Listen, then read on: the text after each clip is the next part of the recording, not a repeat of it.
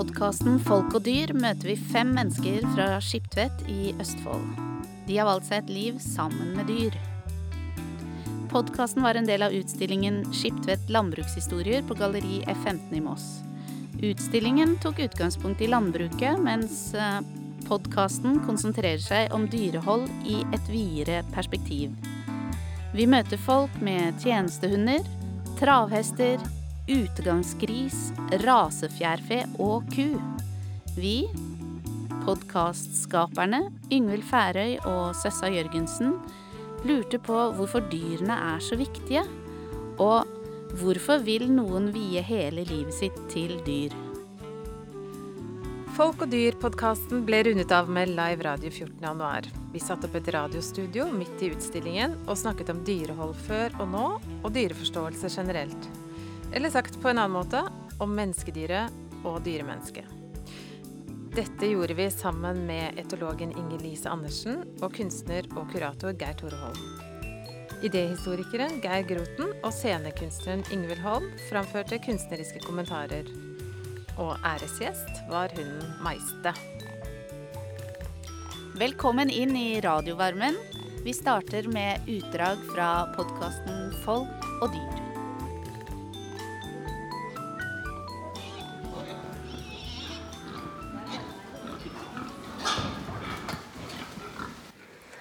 Drive med gris for meg, det betyr selvfølgelig også at vi skal tjene penger. Men min påstand er at har dyra det godt og trives godt, så tjener vi også penger på det.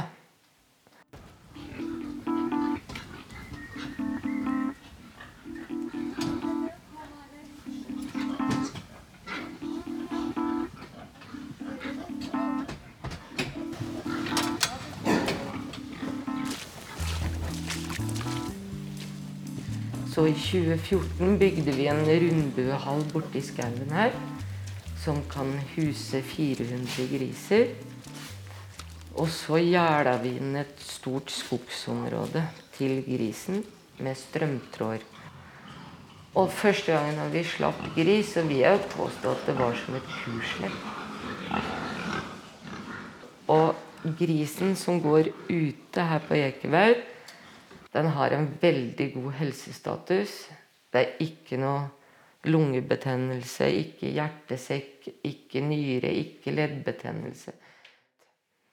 Min erfaring av dødelighet, det er at det skjer siste ukene før slakt.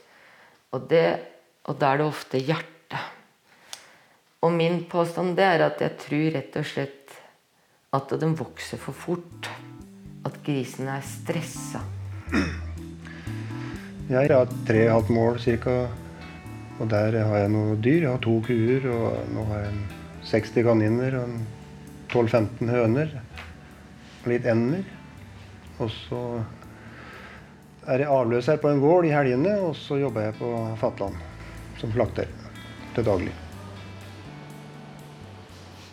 Jeg skyter nok ikke så mye storfylling. Jeg står mer og stekker. Det er stekking jeg driver mest med når jeg er der.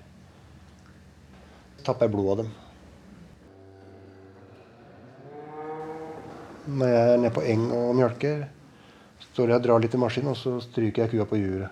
En kvine kan være litt sånn lett i beina at hun kan prøve å sperke til seg maskinen og sånn. Men står og stryker på juret, så står de helt rolig. Den kontakten er jo borte vekk. Mange syns schæferhunder er skumle fortsatt, men de var vel skumlere før. Så hvis en fikk besøk, og sånn, så måtte en passe på å sette inn hunden først, og så lukke opp døra. da. ja, jeg er faglig leder eh, for eh, hele hundetjenesten, og da er jeg liksom styr på de 200 ekvipasjene spredd utover fra Kirkenes til langt ned i Midtøsten. Jeg husker jo at det var mer 'jeg vil, du skal' og mer bruk av tvang og straff eh, i hundetrening eh, også. Du får veldig mye mer igjen for en hund som har lyst eh, og gjør alt man kan for å tilfredsstille både seg selv og hundeføreren, enn en som gjør det fordi at han skal. En minesøkshund som søker etter miner som har ligget, ligget 30 år i bakken, det er ganske fin finarbeid, det.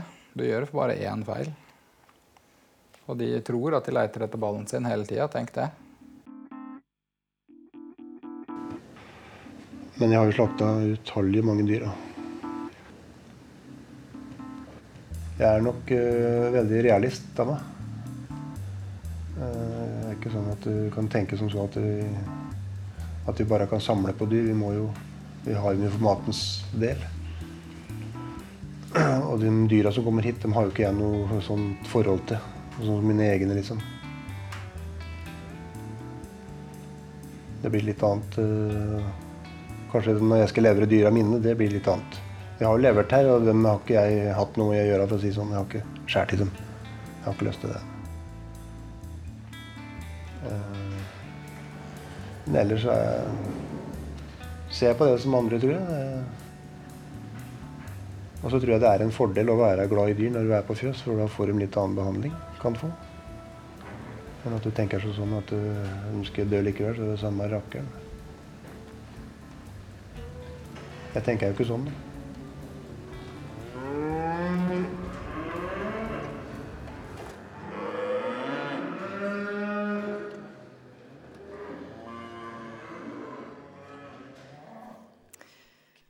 Her hører vi at det er en fordel å være glad i dyr når du skal slakte. Um, Inger Lise Andersen, velkommen. Du er professor i etologi, altså dyreatferd. Uh, har du opplevd, vi lurer vi på, eh, har du opplevd eh, at forskningen din får innvirkning på regelverket? Ja, vi har jo eh, jobba mye med arealkrav til dyr og behov for liggeareal. Så de, vi blir jo ofte spurt da, av Mattilsynet de resultatene vi har. Og vi, vår forskning blir jo finansiert ofte pga. at det er praktisk nytte for bonden. Og, og jeg har jo personlig jobba veldig mye i samarbeid med i hvert fall grisebønder da, og ser at eh, mye av de tiltakene som er foreslått på management, har slått gjennom. Og med Og, det, eh, og da går det på stell og rutiner i fjøset. F.eks. hva kan du gjøre for å redusere spedgristapet i en norsk besetning? da? Hvis du har 50 purker som føder samtidig, og vi vet at vi har avla veldig mye for store kull, så er det en utfordring for purker å kunne ta seg av ungene sine sjøl. Dermed så blir det mer jobb for bonden. Og Da blir det viktig å, å snakke om rutiner for, eller forske på forskjellige Hvordan kan rutin, praktiske rutiner være med på å redusere det tapet? Sånn at velferden kan bli bedre, og økonomien blir bedre for bonden. For det, det som er litt hyggelig, da, det er jo at eh, velferdstiltak ofte gir bonden bedre økonomi òg. Så de tingene henger jo sammen. Det, det er jo det også Siv i vår podkast sier. At, Mm. eh, men, men hun mener at det fortsatt er en ganske langt stykke igjen. Hun Ja, har på en måte ikke råd det det. til å ha utegangsgris fordi det koster det mer i fôr og sånn. Har du et drømmeprosjekt som forsker? Som altså du sier at du forsker en del på oppdrag, ikke sant? men er det noe du kunne drømme om å forske om som virkelig ville hatt betydning? Har, har vi to timer på oss? Nei, altså jeg kunne jo gjerne tenkt meg å jobbe enda mer med hvordan vi kan skape et husdyrmiljø som stimulerer dyret bedre. Og hvordan vi kan eh, designe husdyrmiljø ikke bare på plass, men se på plass per dyr, men se på kvaliteten av plass. Hvordan vi kan få systemer hvor vi har god dyreflyt, lite aggresjon, og hvor bonden sin bevegelse i systemet er, er optimal da, i forhold til arbeidstid og rutiner osv. For vi vet jo at alt som altså, Hver time ekstra i fjøset koster jo. Sånn det er en veldig viktig del av bygningsplanlegginga at man tenker på sånne ting med dyreflyt osv. Så, videre. så hadde det selvfølgelig vært fint å ha et prosjekt hvor jeg ser muligheten for å ha gris mer ut. da. Det er klart det blir større fôrforbruk, og det blir dyrere kjøtt. Det utfordrer jo forbrukerne litt. Ja, I Kan ikke kjøtt være litt dyrere? Vi bruker jo, Det er jo flaut hvor lite vi betaler for svineribbe før jul. Ehm, vi bruker mindre enn 10 av uh, inntekta vår på mat. Uh, sånn at jeg, uh, men eh, noe av, det er jo en utfordring å ha store enheter på utegang. Da, fordi at eh, eh, Grunnen til at det er så strenge regler for å ha gris ut, er jo først og fremst smittevern. At eh, mange av de sykdommene som finnes i Europa og verden ellers, har vi jo ikke i Norge. Og nå vet vi at folk reiser veldig mye. Så det er veldig lett å få smitte inn i en besetning som medfører at man må da slakte ut hele besetningen. Og det har jo store velferdsmessige og økonomiske konsekvenser. Så det er mange utfordringer med det her med utedrift. da. Men kan man ikke lage en innendørsdrift som ligner på en utedrift? Jo, det er nettopp det som Jeg tror vi må over altså Det som er drømmeprosjektet, er jo å lage en helt annen type eh, husdyrhold da, med en annen, annen design på fjøsene, sånn at du en, i enda større grad tilfredsstille dyrene sitt behov. Da. Det er jo mitt drømmeprosjekt. Det høres jo veldig høres lovende ut. lovende Ja. ut for fremtiden. Og dere har jo, fra NMBU så har dere jo litt uh, definisjonsmakt. Har dere ikke det? Om vi har Litt definisjonsmakt. Ja, jeg, vet ikke om vi har så mye makt, men eh, vi, har jo, vi, vi sender jo søknader, og vi får jo innvilga en del prosjekter. Men, men eh, det er jo ikke alltid at det vi foreslår, blir gjennomført i praksis. Nei. Så det Men jeg bare lyst til å, eh, før vi avslutter med deg eh, Hvordan ser du liksom på du, du sa noe om at eh, vi som forbrukere ikke sant? Vi, Eller det er jo et kjent problem at vi, er, vi betaler ingenting for kjøttet. Eh, tenker du at det er noe man kunne altså, eh, Du har definisjonsmakt eh, til en viss grad. Har du noe informasjonsmakt eller informasjonsmuligheter i forhold til folk flest? Eller er det noen som har det? Er det et, en måte vi kunne på en måte altså, være vi villige jo- til å betale mer, da. Vi skulle gjerne vært mer ut altså Vår jobb går jo på at vi forsker og underviser. ikke sant? Og så skal vi publisere artikler vitenskapelig. Ehm, og da blir det ikke så mye tid til å gå ut og gjøre andre oppdrag. Så egentlig så mangler vi jo en sånn slags mellommann da, fra hvis vi får forskningsresultater som er veldig relevant for landbruket, så burde det vært en person som, som plukker opp det og går videre med det. Fordi det blir Eh, I og med at vi lever veldig effektiv øh, tid, da, folk har det veldig travelt, så har f.eks. kontakten som vi har med Mattilsynet, den, den er ikke sånn som den var før. De har hatt en nedskjæring i forhold til ressurser og har kanskje færre folk som jobber på grasrota, de òg. Sånn det er, men det med informasjon er jo ekstremt viktig. At riktig informasjon kommer ut. Gjennom f.eks. norsk landbruk, men òg Norsk landbruk når jo bare eller Bondebladet og sånne ting når jo bare bønder som regel. Sånn at eh, det er jo lite fora som sprer informasjon til folk flest. Og det kanskje det burde vært mer informasjon i forbindelse med butikker og eh, der det selges kjøtt og eh, grønnsaker osv. Så, videre, så så er det forbrukerne veldig lite bevisst da når det kommer til stykket. De kjøper det som er billigst, og de drar til Sverige og kjøper billig EU-kjøtt i stedet for å støtte norsk husdyrhold. Da kan vi begynne med oss sjøl. Kjøpe norsk melk og norsk kjøtt. Det er ganske viktig, for da kan vi i hvert fall stimulere husdyrholdet i, i vårt eget land. Eh, og være med på å påvirke at, eh, at det blir fokus på hvordan dyr har det. da. Ehm, eh, utover det produksjonsmessige eller det mat, føde, har du noen bare sånn avslutningsvis tanker om hvorfor dyr er viktig for folk? Du har jo dyr selv. Ja. ja, det har jeg. Det er jo en annen side ved forskninga som vi driver med. Det er jo å faktisk se på hvilken terapeutiske effekter dyr har på mennesker. Og det er jo eh, det som dyr gjør, og hunder, hester og katter som gjør for folk flest, det er jo at de er veldig her og nå. Mens vi måte, er belasta av fortida og jakter framtida, så er dyr bare her og nå. Og de tvinger oss til å være litt mer i øyeblikket. Så jeg tror det er en veldig viktig egenskap som dyr har. Å minne oss på at vi lever her og nå. Samtidig som at eh, de gir oss en sånn ubetinga kjærlighet. Så selv om vi har en dårlig dag, så logrer hunden like mye når vi kommer hjem fra jobb. Og selv om vi eh, om jeg har en dårlig dag, så er hesten like vrinsker den like godt når jeg kommer i stallen. Så det er liksom den biten der tror jeg som dyr gir oss, som vi kanskje ikke så lett får eh, fra andre folk, fordi de stiller mer krav til hvem vi er og hva vi skal gjøre. Vi skal snakke mer om dette i dag, eh, men tusen takk for at du kom. Bare hyggelig. Og hvis eh, publikum vil stille deg spørsmål etterpå, så er du her litt, du. Ikke Ja sant? da. Ja. Må jo se utstillinga, da. ja, Ja, det ja. må du gjøre. ok, takk for, deg, for at du kom. Mm.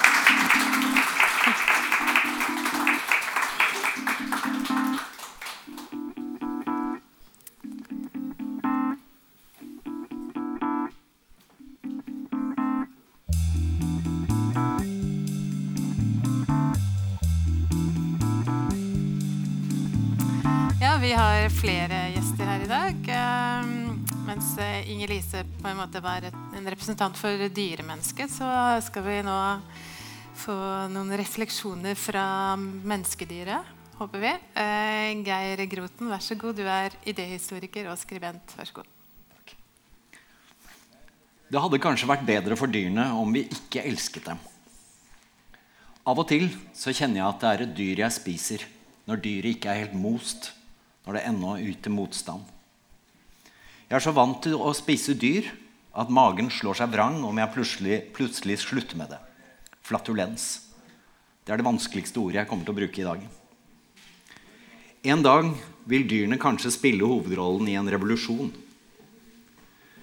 Da bestefar døde, fikk jeg det for meg at han hadde tatt bolig i katten vår. Nå da låste jeg katten ut av rommet mitt. De fleste dyr får vi ikke øye på.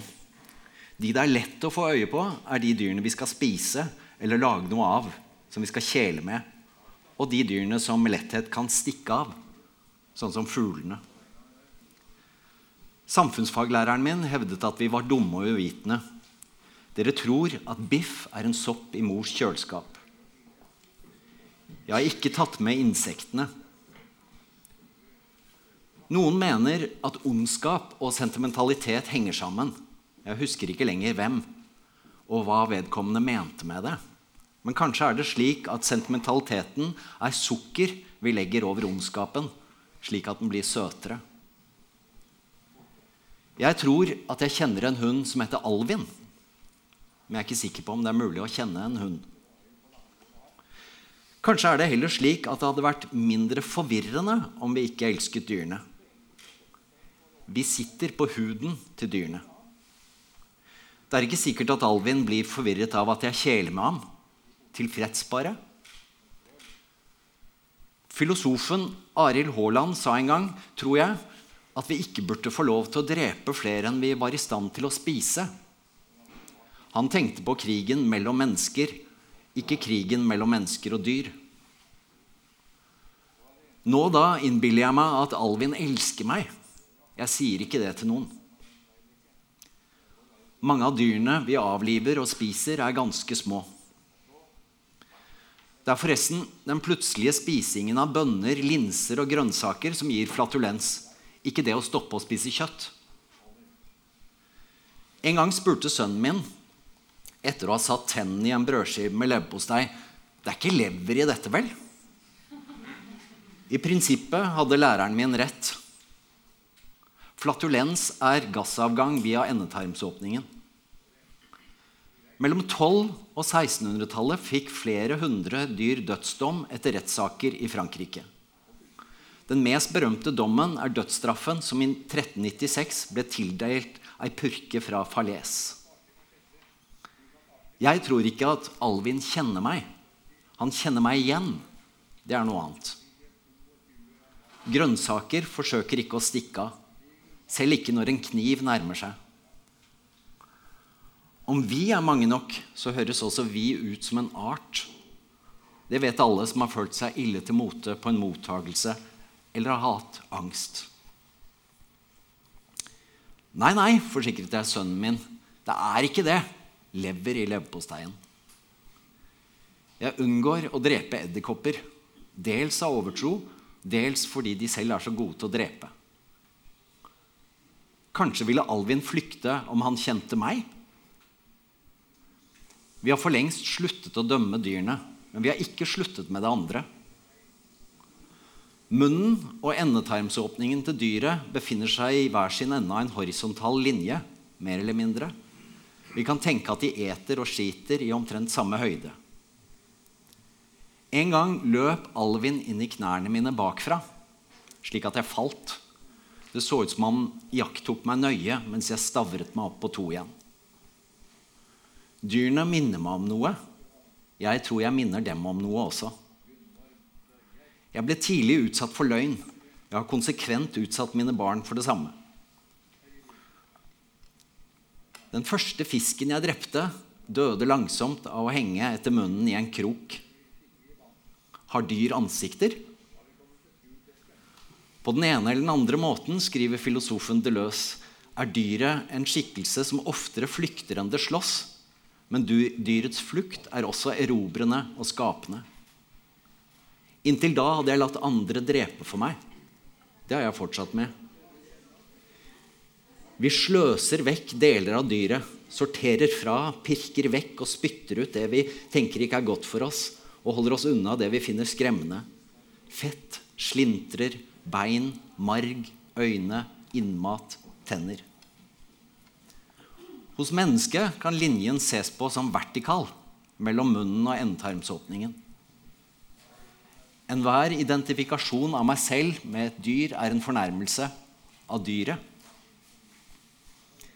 En gang brakk jeg nakken på mer enn 30 fisk på mindre enn én time. Mennene som fulgte med på dette, var eldre enn det jeg er nå. Slektninger. Dyrene er mer oppmerksomme på oss enn vi er på dem. Jeg fortalte ingen at det var Alvin som hadde dyttet meg over ende. Jeg løy. Industrien tar vare på alt. Det kokes, males, bearbeides. Restene av dyret blir til bestanddeler i de mest hverdagslige produkter. Plastposer, tannpasta, lim, smøremidler, dekk. Vi er omgitt av dyret. Vi spiser, griper om, pusser oss med, sitter på dyret. Vi vasker oss med dyret. De som vil til bunns i dyrenes verden, vil kjenne livene deres må gå under jorden og bli til hemmelige agenter. Vi nekter dyrene slåsskampen. Vi nekter dem flukten. En skikkelse fra en annen verden skriver hjem. De spiser hverandre. Eller fra fremtiden. De spiste hverandre. Merker Alvin at jeg sitter på dyrehud, ikler meg dyrehud, at jeg spiser dyr, smører meg inn i oljene fra dem, pusser tenner i stoffer fra de resirkulerte restene av dem. Kan han lukte det? Kan han fornemme det? Det dyret jeg har vært nærmest å identifisere meg med, er hyenen. Jeg har dem å spjåke meg til. Om jeg skulle begynne å tenke om dyrene, måtte jeg begynne med min egen apati. Tror Alvin at jeg er dyrenes konge? Visekonge? Hundenes prins? Inntil videre, kanskje. Døde dyr overalt. Som pollen på en vårdag, som sot, aske. Mer tør jeg ikke si. Om kjøttet er godt, liker jeg smaken av blod i det.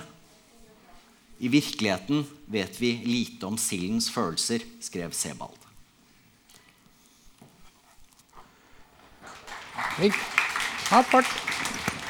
Fot. Slipp. Fin jente. Oi, oi, oi. Ja, du er flink. Du er flink.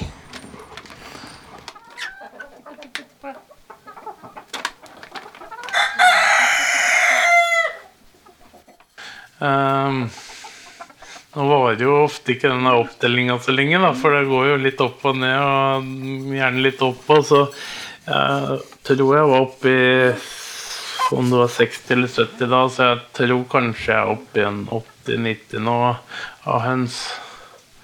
Så er det jo en del ender og, og sånt, da. Hjemme, da. Hjemme, da. Nei.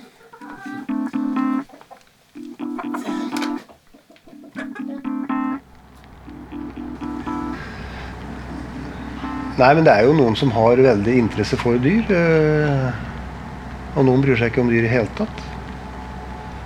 Bare den får en god biff, så er det greit. Eh,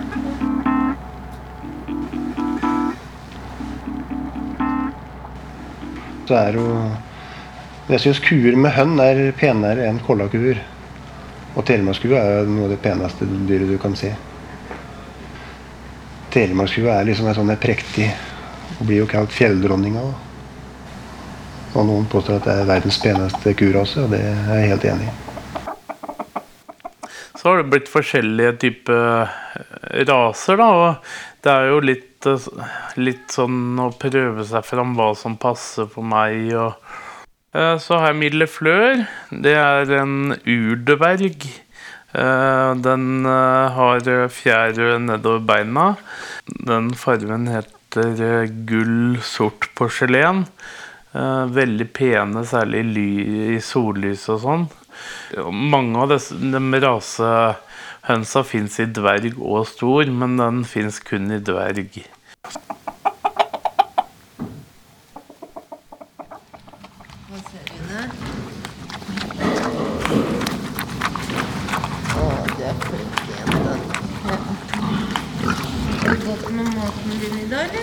Når jeg går i grisehuset, så oppdager jeg noe nytt hele tida.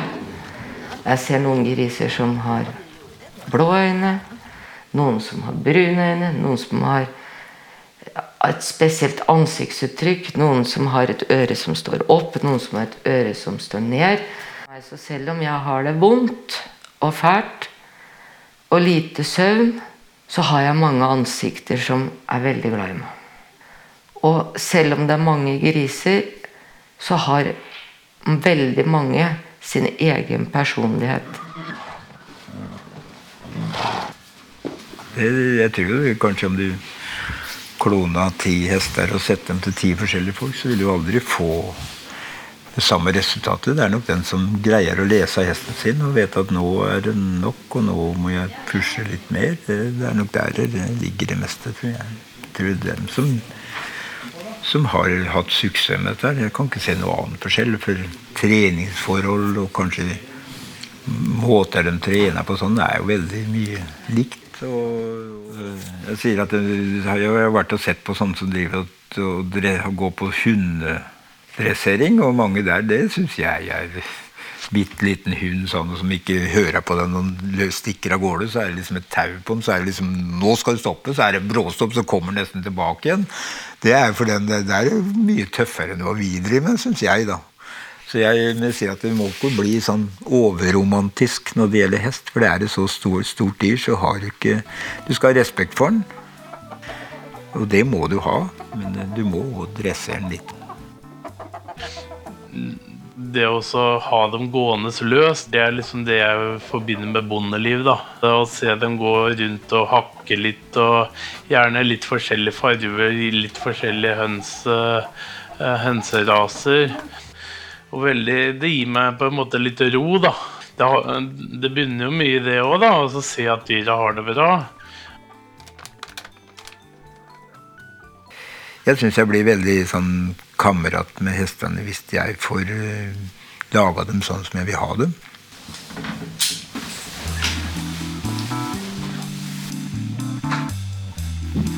Så blir det en livsstil, liksom, på at du, du, du Det er liksom ikke noe annet å se på Se på klokka. Det er klart, det gjør meg glad.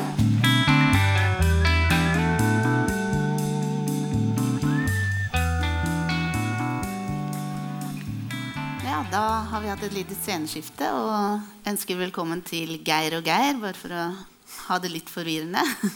Men uh, vi skal begynne med å snakke litt med Geir Groten. For du hadde jo denne kommentaren din. Og, og du sier at uh, det hadde vært mindre forvirrende om vi ikke elsket dyrene. Kanskje det hadde vært bedre for dyrene. Men hvilken forvirring er det egentlig du snakker om? på en måte kanskje jeg tenker at vårt uh, forhold til dyr, altså, uh, altså, sånne som meg, sitt forhold til dyr er veldig preget av, av følelser. At det er noen dyr vi elsker, og så er det andre dyr vi stiller oss helt fullstendig likegyldige overfor. Sant? Altså den industrielle drepingen av dyr, samtidig som vi er veldig glad i noen dyr. Og på en måte kan det være sånn at det at vi elsker dyrene, eller tenker at vi elsker dyrene, gjør det lettere for oss å se bort fra at vi også dreper dem i industriell skala. På en måte, Mennesket er jo et, et helt utrolig et, et, På en måte et pervers dyr. Det blir jo litt sånn som etiologen snakket om, når man eh, avler frem tillit som gjør drepingen mer håndterbar. Det er, eh, altså det er, et eller annet der som, er, eh, som sier noe om, om, oss som er på en måte ubehagelig. Det er vel også det du mener når du sier at en stemme fra fremtiden kunne sagt at de spiste hverandre. Mm. Altså at vi egentlig er en del av det samme fellesskapet. Ja. sant? Altså, foreløpig så er vi jo preget av en kultur hvor det er helt sånn avgjørende prinsipiell forskjell på oss og dyrene. Men det er jo ikke utenkelig å tenke seg at det kan endre seg i fremtiden. Altså Det eneste vi vet om fremtiden, er at den vil bli nokså annerledes enn nåtiden.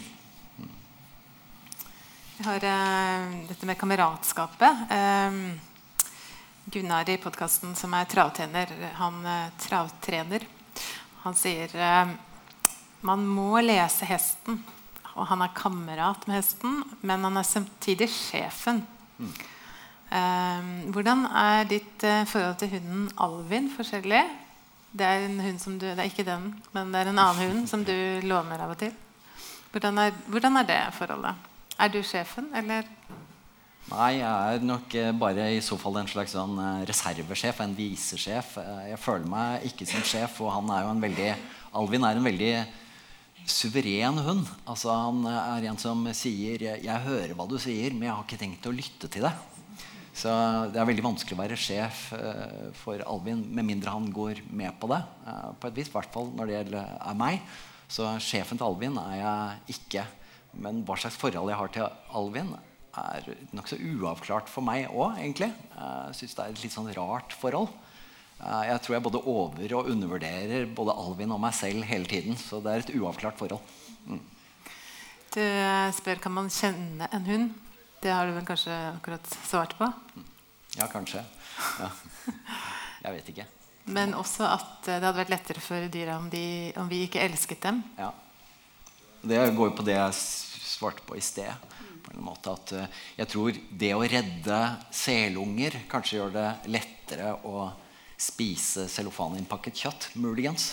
Sant? At vi på en måte Det at vi elsker dyrene og gjør noe i forhold til noen dyr, gjør det lettere for oss å glemme at vi er veldig likegyldige i forhold til andre dyr. Mm. Det letter samvittigheten på ett område, selv om ja. det ikke har noe med ja, så Det kan godt være at dyrene hadde tjent på at vi var mer rasjonelle, faktisk. Ja. ja. At vi ikke reddet selene? Ja, Det kan jo godt være at eh, det er forskningen som gjør det klart for oss at vi ikke kan behandle dyrene som vi gjør nå. At det ikke er filosofene som finner ut av det, men at det er etiologene som finner ut av det. Det vet vi ingenting om. Sant? Mm. I podkasten så, så, møter vi jo Siv som um som går i, i grisehuset når hun kjenner sterke smerter. Og hun får på en måte hjelp av grisene da, med mm. smertene sine. Mm. Men uh, er det en slags kjærlighet, eller hva, hva er det som ja, altså for, for, det første så er det jo veldig lett å, å, kjenne seg igjen i det. Selv om jeg ikke har eh, gjort det med de dyrene. Men jeg gruet meg jo for å komme hit i dag og I morges så snakket jeg med Alvin om det, og det hjalp jo. Jeg ble roligere av å klappe på Alvin. Ja, du kan få lov til å klappe meg ja. hvis du trenger. ja, ja, det kan jeg gjøre. Først må du vinne hennes tillit. Ja, det er det, da. Ja. Men det med, med, grisene og Fordi du, um, du snakker om ah, har dyr ansikt, men Siv, hun, hun, når hun er i grisehuset, observerer hun og, og og ser at det er forskjellige personligheter. Mm. Men du er i tvil om det? Nei, det, det, vet jeg ikke noe om. Men jeg tenker det er også i forhold til etiologen. Hvis man går langt nok i å gi hvert dyr eh, individualitet, så gjør det det nok vanskeligere å slakte dem. Altså Det ligger et paradoks der i å individualisere dyrene og samtidig behandle dem eh, som eh, et, et, på en måte et generelt mål, eller som mat. Altså Det ligger en eh, det er et paradoks der eh, i forholdet mellom mat og individ. Mm. Mm. Vi møter jo også Åge slakteren i en av podkastene. Og han har jo et veldig nært forhold til kyr, men samtidig så er han en slags spesialist på å slakte dem òg. Mm. Og det er jo sånn vi, vi mennesker Vi har jo levd i tusenvis av år med relasjon til Mm. dyr og spist dem. Åge har det akkurat som jeg. Ja. Altså, jeg elsker dyr, og jeg bare spiser dem og liker smaken av blod. Og, sant? Det er jo eh, altså de, de paradoksene som, som preger personene i sendingene deres, er jo paradokser som også preger meg. Jeg kjenner meg veldig igjen i dem. Det er ikke annerledes for meg. Nei. Men jeg bare er et annet sted i den næringskjeden. Men det er den samme næringskjeden. Geir Torholm, har du, eh, du er um, billedkunstner og kurator for denne utstillingen som vi sitter midt i, sammen med Søssa Jørgensen. Um, har, eh, har du lyst til å kommentere på noe av det Geir Groten sier? Mm, ikke så mye, men det er jo veldig fint å høre en sånn tekst opplest, og de, de betraktningene som eh, Geir her kommer med. Da. Jeg tenker Det er på en måte så, nesten som at dyret har gått inn i teksten. da. Og eh, dyr de, går ikke bare, de tasler og de løper, og eh, høns jeg vet ikke hva de gjør. Men, så det var veldig fint å observere når, eh, det dyriske i teksten. Da. Da begynte jeg faktisk å tenke på også hvordan sammenhengen mellom dyr og tekst er. Det er jo én ting. eh, Men en annen ting er hvordan, hvordan er sammenhengen mellom hvordan vi tenker og dyr. Og jeg kan ikke la være å tenke på det livet som vi har i magen vår, altså i tarmen, som jo er et sånn mikroliv, og hvordan det også påvirker hvordan vi tenker. Så jeg tenkte litt på hva du har spist, hva, hva, hva hadde Geir spist eh, når han skrev det her. Og så, eh, så, sånn, han nevner det jo også eh, ganske direkte da, gjennom eh, gassdannelse i, i tarmen, og sånn, altså, men også den her, eh, hva slags stemning han har vært i. Kanskje litt sulten egentlig underveis.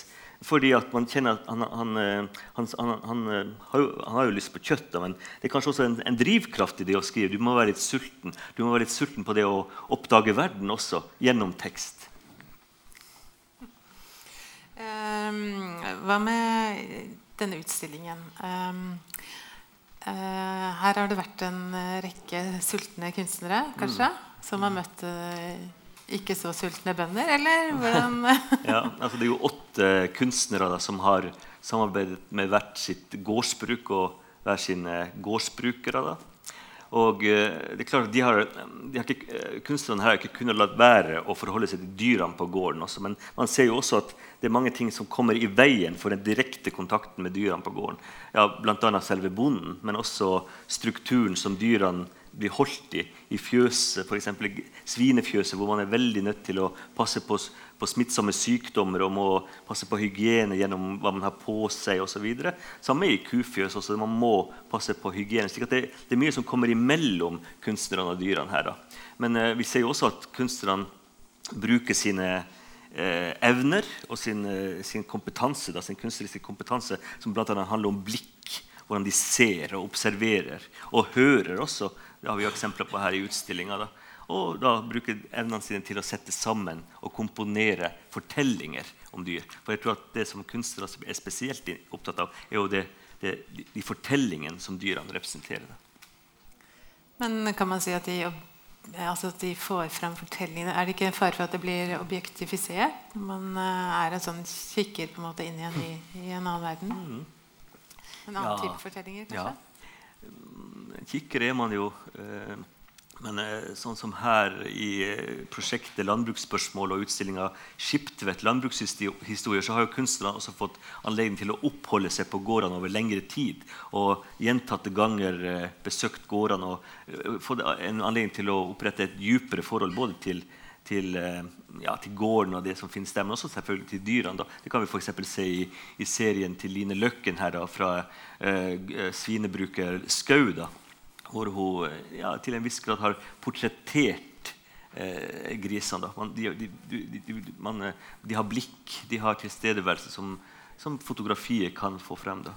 Og fotografen kan få frem. Mm. Det er også andre deltakere i utstillingen som går mer på et eh, mikronivå når det Ja. gjelder dyrelivet. Ja, Du tenker da på eh, Margrethe Pettersen sitt eh, arbeid fra en annen gård. Og Det er da gården Vister, som er et rent kornbruk.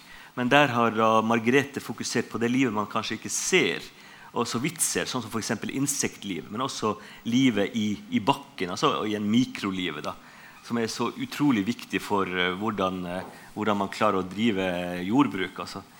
Så det, er veldig interessant at hun har gjort det. da. Eh, for, på, også på en gård hvor det knapt er dyr. Det har kommet en katt der på gården Vister nå, heldigvis. Men ellers er det ikke andre husdyr der. da. Men så har Margrethe da sagt, og gjennom sitt verk så sier hun at det er mye annet liv. Og det er ikke bare liv som er levende liv, men det er også levd liv. Det som har vært der før, og kanskje til og med det som kommer i framtida. Jeg har lyst til å spørre deg om eh, hva du har fått ut av podkastene. Det kan jeg egentlig spørre dere begge om. Ja, podkastene, ja. Mm. Veldig spennende, uh, en veldig spennende del av utstillinga 'Skiptvet landbrukshistorier', som har vært tilgjengelig til dels i utstillinga, men også på nettet. da. Og det synes jeg er en veldig flott del av en utstilling at den er, den er tilgjengelig andre steder også. Um, jeg spurte ikke for at du skulle skryte av oss, men ja. vi tar det til oss. Ja, det er fint å skryte litt. Og, uh, man har jo ofte et kritisk blikk, og uh, da skal man ikke skryte så mye. Men jeg vil gjerne skryte for, uh, av, dere, av, dere, som har gjort, gått i dybden og møtt de her dyremenneskene da, i Skiptvet, og, og, faktisk fått dem frem. Og fått frem det at det er så mange det er et dårlig begrep, men interessante mennesker i Skiptvet det er ikke bare interessante mennesker, men dyktige mennesker. Mennesker som går i dybden eh, på det her av dyrehold, f.eks. Og det dere jo selvfølgelig også har gitt oss gjennom Folk og dyr-podkastserien, er jo lyden av dyrene. Og det, det lyd, den lydverden som vi har på gårdene. Ja, vi har lyden av hest, vi har lyden av svin, ikke, ikke sant? og vi har eh, også lyden av hunder, selvfølgelig. Men så har vi lyden av høns. Og Det er så utrolig fint å høre denne lyden av kaklende høns. Det gir oss en uh, ro, kanskje en forhåpning om en ny dag som skal komme oss i, i møte, med soloppgang og nykokte egg. Og vi har hanegal som sier 'stå opp, gå ut i verden og, uh, og, og, og vær menneske', så å si. Med fare for å drive med åndelig innavl, hvis man kan si det, så har vi nå Men la Geir Groten få ja. komme til ordet. Du er litt mer utenfra, bare for uh, ja. Hva, ja, om, Har du noe eh, Om programmene?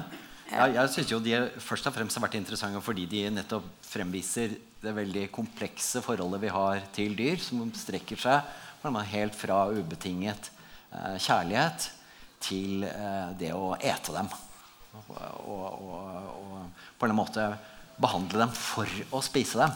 Sant? På alle mulige på, på innvendige måter, som f.eks. Av, av tillitsfulle dyr, til på en måte den ytre behandlingen av dem. Og jeg synes jo, så på en måte har jo podkasten aktualisert mitt eget forhold til dyr. Det har vært det beste, beste ved den podkasten, syns jeg. Ja, Det er vel bare å sende den anbefalingen videre. Hvis det var en anbefaling, jeg vet ikke. Uh, vi skal ha vår neste gjest på fram, og det er uh, Ingvild Holm. du er scenekunstner, og du har også hørt på podkastene og lagd en kunstnerisk kommentar til den. Ingvild er også en av kunstnerne i utstillingen, faktisk. Det skal sies. Ja. Det var en gang en liten geitekylling som hadde lært å telle til ti. Da hun kom til en vannpytt, sto hun lenge og så på speilbildet sitt i vannet. Én, sa hun. Dette hørte en kalv som gikk i nærheten og åt gras. Hva gjør du for noe? sa kalven. Jeg teller meg, sa geitekillingen. Skal jeg telle deg også? Hvis det ikke gjør vondt, så, sa kalven. Det gjør det vel ikke. Stå stille, så skal jeg telle deg. Nei, jeg tør ikke. Det er sikkert farlig.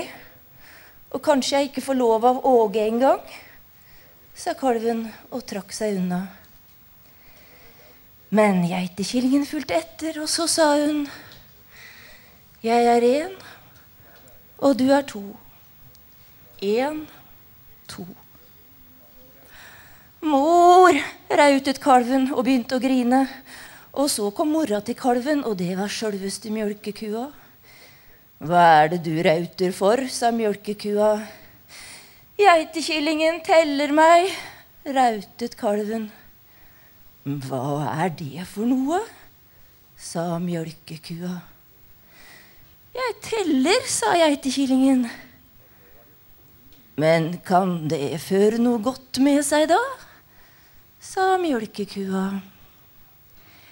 Jeg har lært å telle til ti. Jeg gjør bare sånn. Jeg er én, kalven to, kua tre.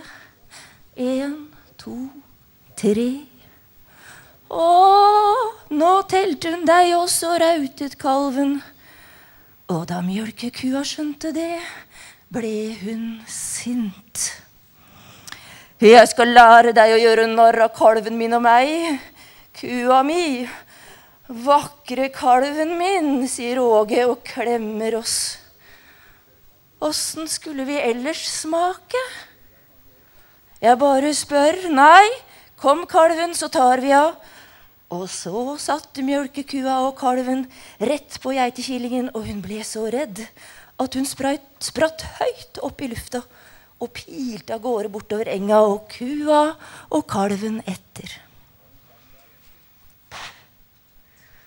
Borti utmarka sto det en gjeng nydusja griser og åt blåbær og bringebær. De var akkurat i gang med å knaske i seg røttene da geitekillingen og kalven og kua kom settende.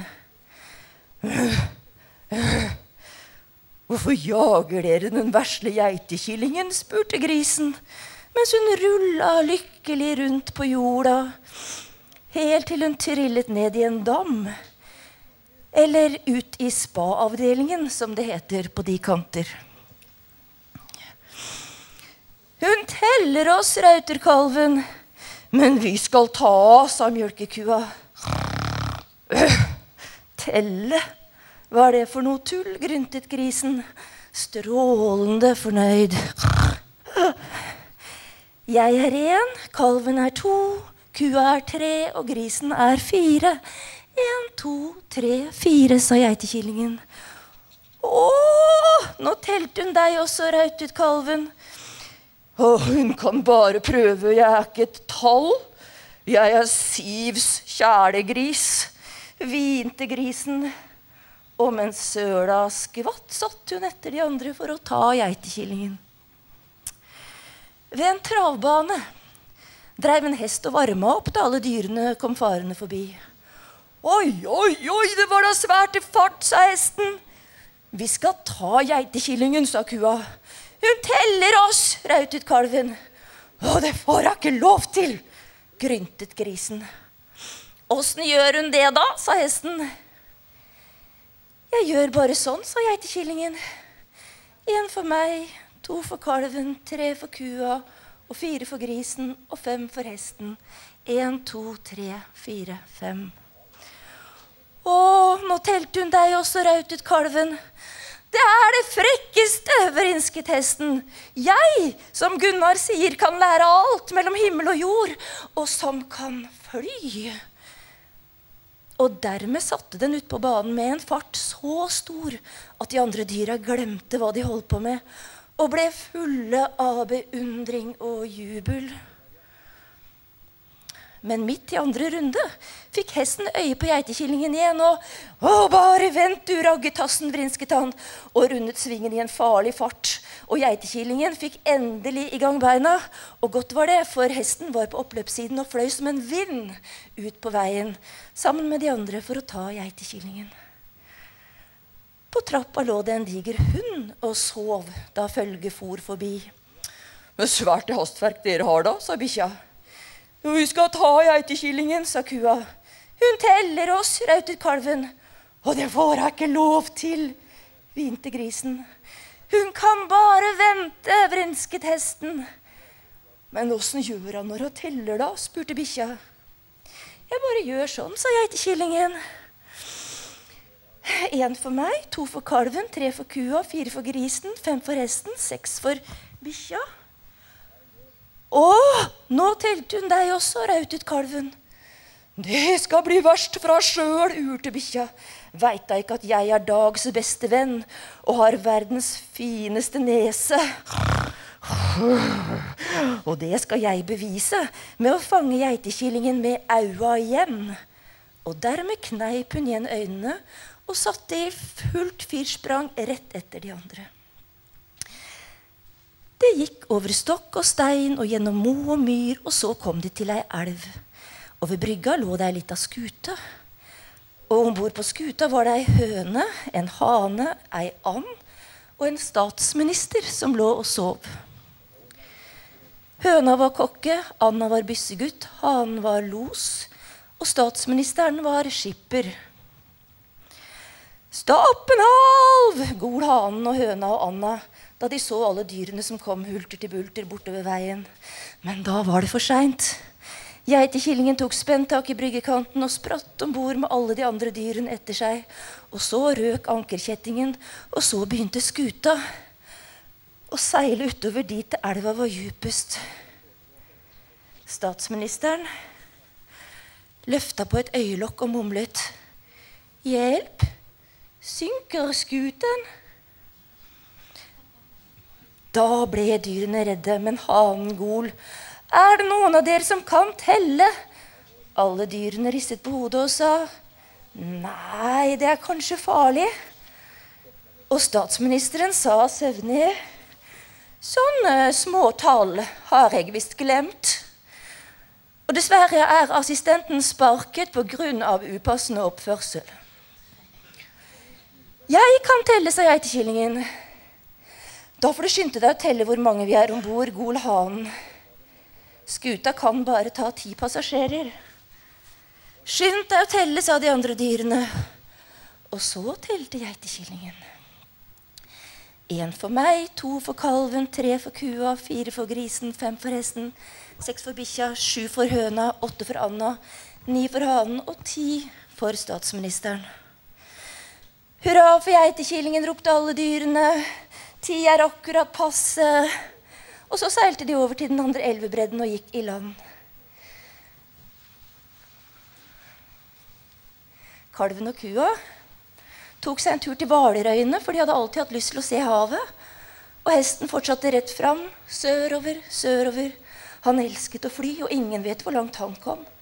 Grisen rullet og gnagde seg i ring rundt Skiptvet og hele Østfold fylke. Hun beveget seg i både indre og ytre sirkler mens hun badet så ofte det lot seg gjøre. Hun på sin side snuste seg fram til et par lik og noen lass slem narkotika nede ved svenskegrensen. Men det gikk ikke lange tida før hun begynte å snuse seg hjemover. Heller ikke gikk det mange dagene før kua og kalven og grisen og hesten også fikk hjemlengsel, og ganske snart var alle dyr tilbake i armene hos folk, og omvendt. Og både folk og dyr var lykkelige og glade. Men glemte jeg å fortelle at skuta var et fullkomment hønsehus der statsministeren alltid slumret under dekk, mens Marius og venner, og iblant Søssa og Yngvild, spiste egg som høna både la og tilberedte, mens dyr og fugler ordnet alt på klokeste vis, mens de kaklet og danset muntert og ellevilt med praktfulle fjærkledde ben på ripa. Og geitekillingen, hun ble igjen bord som tellemester. Og hver gang statsministeren var i villrede om tall og verdier, sto geitekillingen ved landgangen og sørget for at det ble akkurat passe.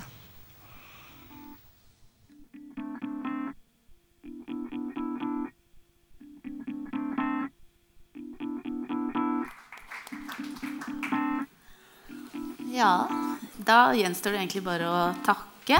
Ehm, vi skal takke Jaga Jazzist, som lot oss låne denne låta. Mhm. Lithuania heter den. Vi skal takke alle som kom. Vårt fine publikum. Mhm. Eh, vi skal takke intervjuobjektene igjen. Eh, Marius, Siv, Åge, Dag og Gunnar. Uten dem hadde ikke dette gått. Og så kommer den forvirrende takkinga. Det er Geir og Geir. Yngvild og Ingvild. Eller vi kan si Holm og Holm. Og så Fridtjof eh, og Majeste. Og Inger-Lise. Inger-Lise og Sessa. Ja. Og spesielt takk til gjestene her i dag, selvfølgelig. Dere har vært eh, herlige, morsomme og interessante. Takk for oss.